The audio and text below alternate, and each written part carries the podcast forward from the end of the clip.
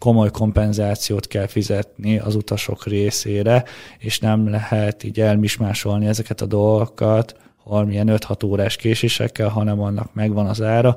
Ez pedig nyomást helyez az amúgy is rossz bőrben lévő légitársaságok pénzügyi eredményeire. Üdvözlöm, ez itt a Concord Podcast. Egy műsor, ahol a Concord munkatársai minden héten alaposan megmondják véleményüket pénzről, gazdaságról, politikáról és mindarról, amit egy Concordos nem hagyhat szó nélkül. Ez egyértelműen látszik, hogy a vizernek nagyon sok kihívással kell szembesülnie. Tartson velünk! Nagy nyilvánosságot kapott, és még a CNN is foglalkozott vele, hogy Váradi József vizer elnök egy dolgozók előtt tartott motivációs beszédében a dolgozókat a fáradtságuk ellenére is fokozott munkavégzésre kérte. És abban az iparágban, ahol a pilóták mögött egy csőben 11 km magasan, 900 km per órás sebességgel száguldozva 200 ember ül, más szint kapott ez a kérés a médiában, mint mondjuk kapott volna ugyanez egy szoftverfejlesztő cég esetében. Ennek kapcsán beszélgettünk Bukta Gáborral a Vizerről és az európai légiközlekedési szektor más szereplőinek kilátásairól. Én Vidovszki Áron vagyok, a Concord lakosság üzletág vezetője. Szevasz Gábor! Szevasz Áron! Hogy hangzott el pontosan ez a kérés? Ezt lehet tudni?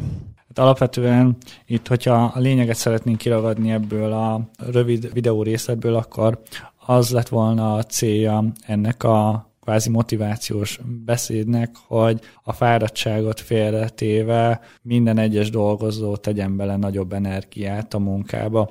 Ugye, ahogy felpörgött az európai légközlekedés az utóbbi hónapokban, azt lehetett tapasztalni, hogy a kereslet folyamatos növekedésével nyilvánvalóan a személyzet is egyre nagyobb teher alá esik, és ennek hatására pedig adott esetben nagyobb erőfeszítéseket kell tenni a minden egyes kollégának, dolgozónak, mint korábban kellett, amikor sokkal ritkábbak voltak a járatok, és nem volt ennyire nagy kihasználtság. Ugye, hogyha a vizer esetében megvizsgáljuk a jelenlegi helyzetet, akkor azt lehet mondani, hogy bőven a 2019-es szintje fölött repül, és fog is a következő hónapokban.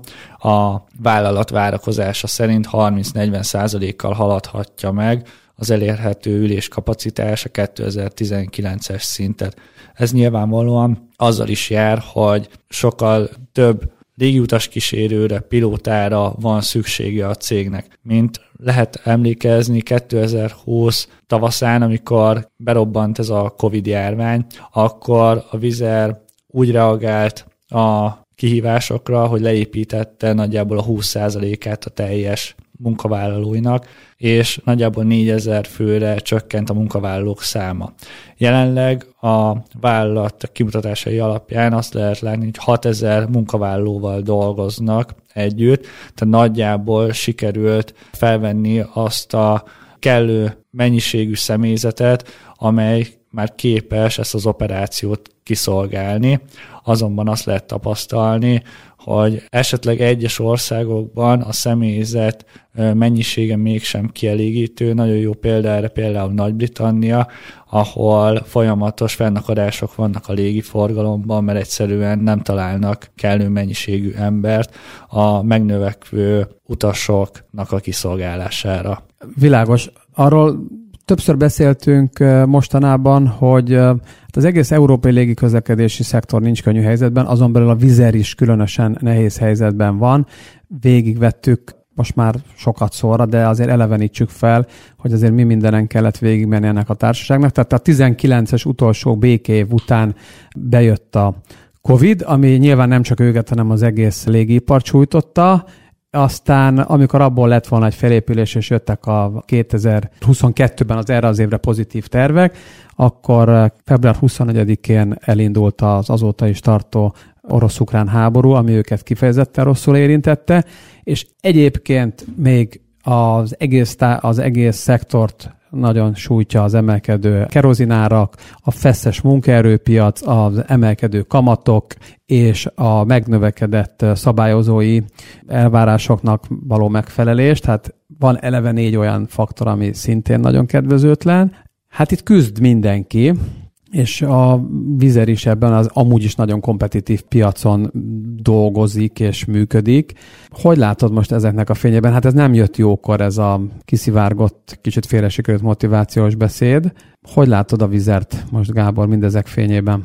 Hát egyrészt már csak azért sem jött jól, mert már-már olyan példákat hoznak elő, amikor kifejezetten fáradtságra lehet visszavezetni egyébként a, a baleseteket, és tényleg itt hatalmas operatív kockázatot fut egy légitársaság, illetve még az utasok is óriási kockázatnak lehetnek kitéve, hogyha nincsen kellő mértékben fizikálisan felkészülve a pilóta arra az útra. A kihívásokra visszatérve valóban, ahogy említetted, itt megnövekvő üzemanyagköltséggel, a folyamatosan növekvő finanszírozási költségekkel, illetve a feszes munkaerőpiacsal meg kell valahogy birkóznia a légitársaságoknak. Nagyon sokan belehittek abba, hogy ez a nyár már csúcs szuper lesz számukra, és végre Európában is felpöröghet teljesen a turizmus, viszont azt lehet tapasztalni most már Európa szerte nagyon sok helyen, hogy a sztrájkoktól kezd hangos lenni illetve járattörlésektől az egész szektor. Visszaemlékszünk 2010-es évek végén is nagyon hasonló volt a helyzet, akkor is gyakorlatilag minden évben erről szóltak a hírek, hogy hol csúszás, hol késés, hol járattörlés nehezítette az utasoknak a dolgát, és ugye ennek van egy olyan olvasata is, hogy ezek bizony most már a egyre durvább szabályozói környezetnek köszönhetően azt eredményezhetik a társaságoknál, hogy komoly kompenzációt kell fizetni az utasok részére, és nem lehet így elmismásolni ezeket a dolgokat, valamilyen 5-6 órás késésekkel, hanem annak megvan az ára. Ez pedig nyomás helyez az amúgy is rossz bőrben lévő légitársaságok pénzügyi eredményeire. Na most az a kérdés számomra, hogy a COVID előtti időszakban a legerősebb szereplők, és ide a vizet abszolút mértékben beleértem, ilyen nehézségekkel küzd, akkor mi a helyzet azokkal a légitársaságokkal, akik már korábban is hát sokkal gyengébben futottak neki ezzel a később Covid-dal terhelt időszaknak. Gondolok itt akár a nemzeti légifuvarozókra, akiket korábban többször ki kellett már segíteni. Hát ilyen 2020-as év az attól volt hangos, hogy melyik légtársaság mekkora állami intervencióban részesült, mekkora állami mentőcsomagot kapott. Gondolok itt Elsősorban, hogyha Európát nézzük az Air France-ra vagy a Lufthansa-ra, ugye 10 milliárd eurós összegek repkedtek, de alapvetően a teljes szektor több mint 200 milliárd dolláros segélyre szorult világszerte. Ez egy egyszerűen brutális összeg. Azonban azt is kell látni, hogy végtelenség nem lehet mindenkit finanszírozni.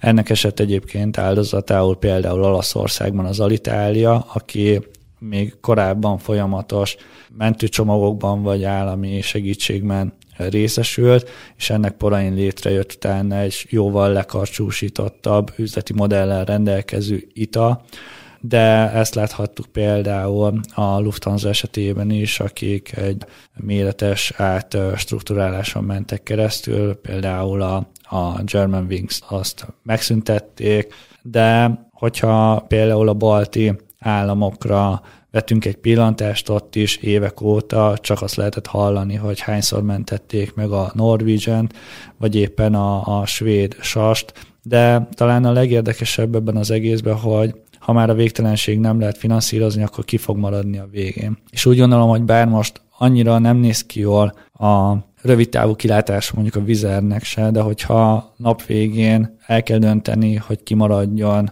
életben, akkor nyilvánvalóan egy sokkal piacibb vállalatot fognak választani, én úgy gondolom a befektetők, azt fognak támogatni, ahol alapvetően alacsonyak a költségek. Igaz, most szembe kell nézni ezzel a magas olajárral a vizernek is, főképp azért, mert nincsenek kifejezetten hatékony fedezeti ügyletei, amik védelmet nyújtanak az ellen, hogy az emelkedő olajárakat finanszírozni kelljen.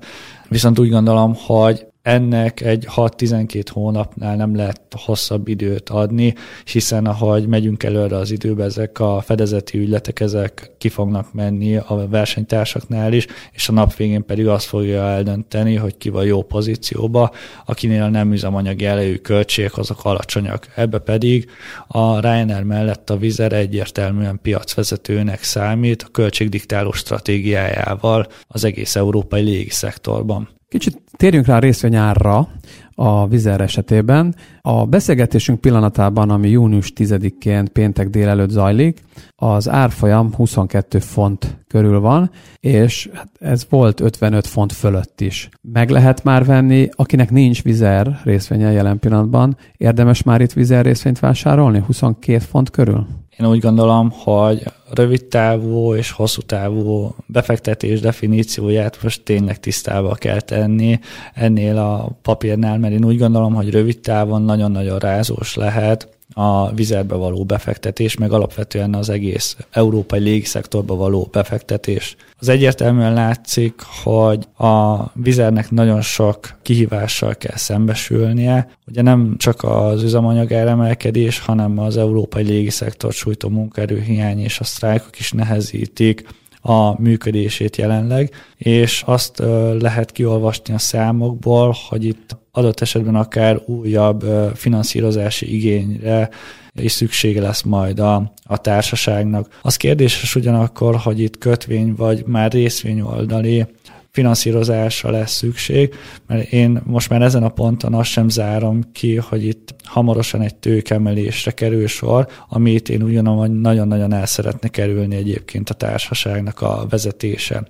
Az érdekesség ugyanakkor ebben az, hogy a nagy tulajdonos nem az Indigo, ha már így névszerűsítjük, akkor őneki nem csak normál részvényei vannak, hanem vannak ilyen átváltható kötvényei is, ezeket pedig egy az egybe tudná részvényé konvertálni. Ezek még a korábbi befektetéséhez kapcsolódnak, és ez azért érdekes szerintem itt az Indikónak ezzel a, legalábbis az Indigo tulajdon részének ezzel a részével foglalkozni, mert hogyha ezeket nem váltaná át részvényi egy tőke emelés előtt, akkor úgy gondolom, hogy ott egy óriási hígulási kockázatnak lenne kitéve.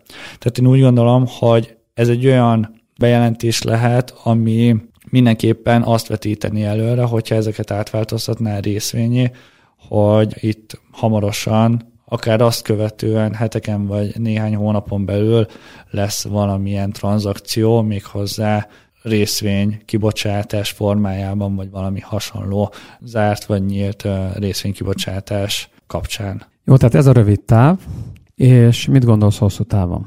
Hosszú távon viszont úgy gondolom, hogy hogyha előrébb megyünk az időben is mondjuk a következő szezon nézzük, akkor azzal, hogy a többi légitárságnál is folyamatosan fognak kifutni ezek az olajfedezeti ügyletek, úgy egyre inkább előtérbe fog kerülni az, hogy a nem üzemanyag jellegű költségek hogyan alakulnak másoknál. És úgy gondolom, hogy ezt a nagyon magas olajár környezetet nem tudják kibírni a riválisok, már csak azért sem, mert várhatóan ez azzal fog járni, hogy jelentősen meg fog emelkedni a jegyár, és nem biztos, hogy a kereslet az akkora mértékű lesz, mint az korábban tapasztalható volt. Ebből pedig én úgy gondolom, hogy profitálnia kellene majd a vizernek, de az biztos, hogy ehhez stratégiai nyugalomra lesz szükség a befektetők részéről, hogy ezt ki tudják ülni, és ki tudják várni azt, hogy elkezdjen konszolidálódni végre az európai piac, amit már egyébként nagyon régóta várnak. Gábor, ez nagyon jó zárszó volt, hogy itt akkor összefoglalva rövid távon üljük ki ezt a rázós időszakot, de hosszú távon ez vétel, csak kell hozzá stratégiai nyugalom. Hát én úgy gondolom, hogy igen. És akinek tetszett ez a beszélgetés, az kövessen minket a concordblog.hu-n, hallgassa a podcastokat az Apple Podcaston, a Google Podcaston és a Spotify-on, illetve iratkozzon fel Concord csoportos YouTube csatornánkra. Ez itt a Concord Podcast, egy műsor, ahol a Concord munkatársai minden héten alaposan megmondják véleményüket pénzről, gazdaságról, politikáról és mindarról, amit egy Concordos nem hagyhat szó nélkül. Nagyon szépen köszönöm. Köszönöm szépen én is.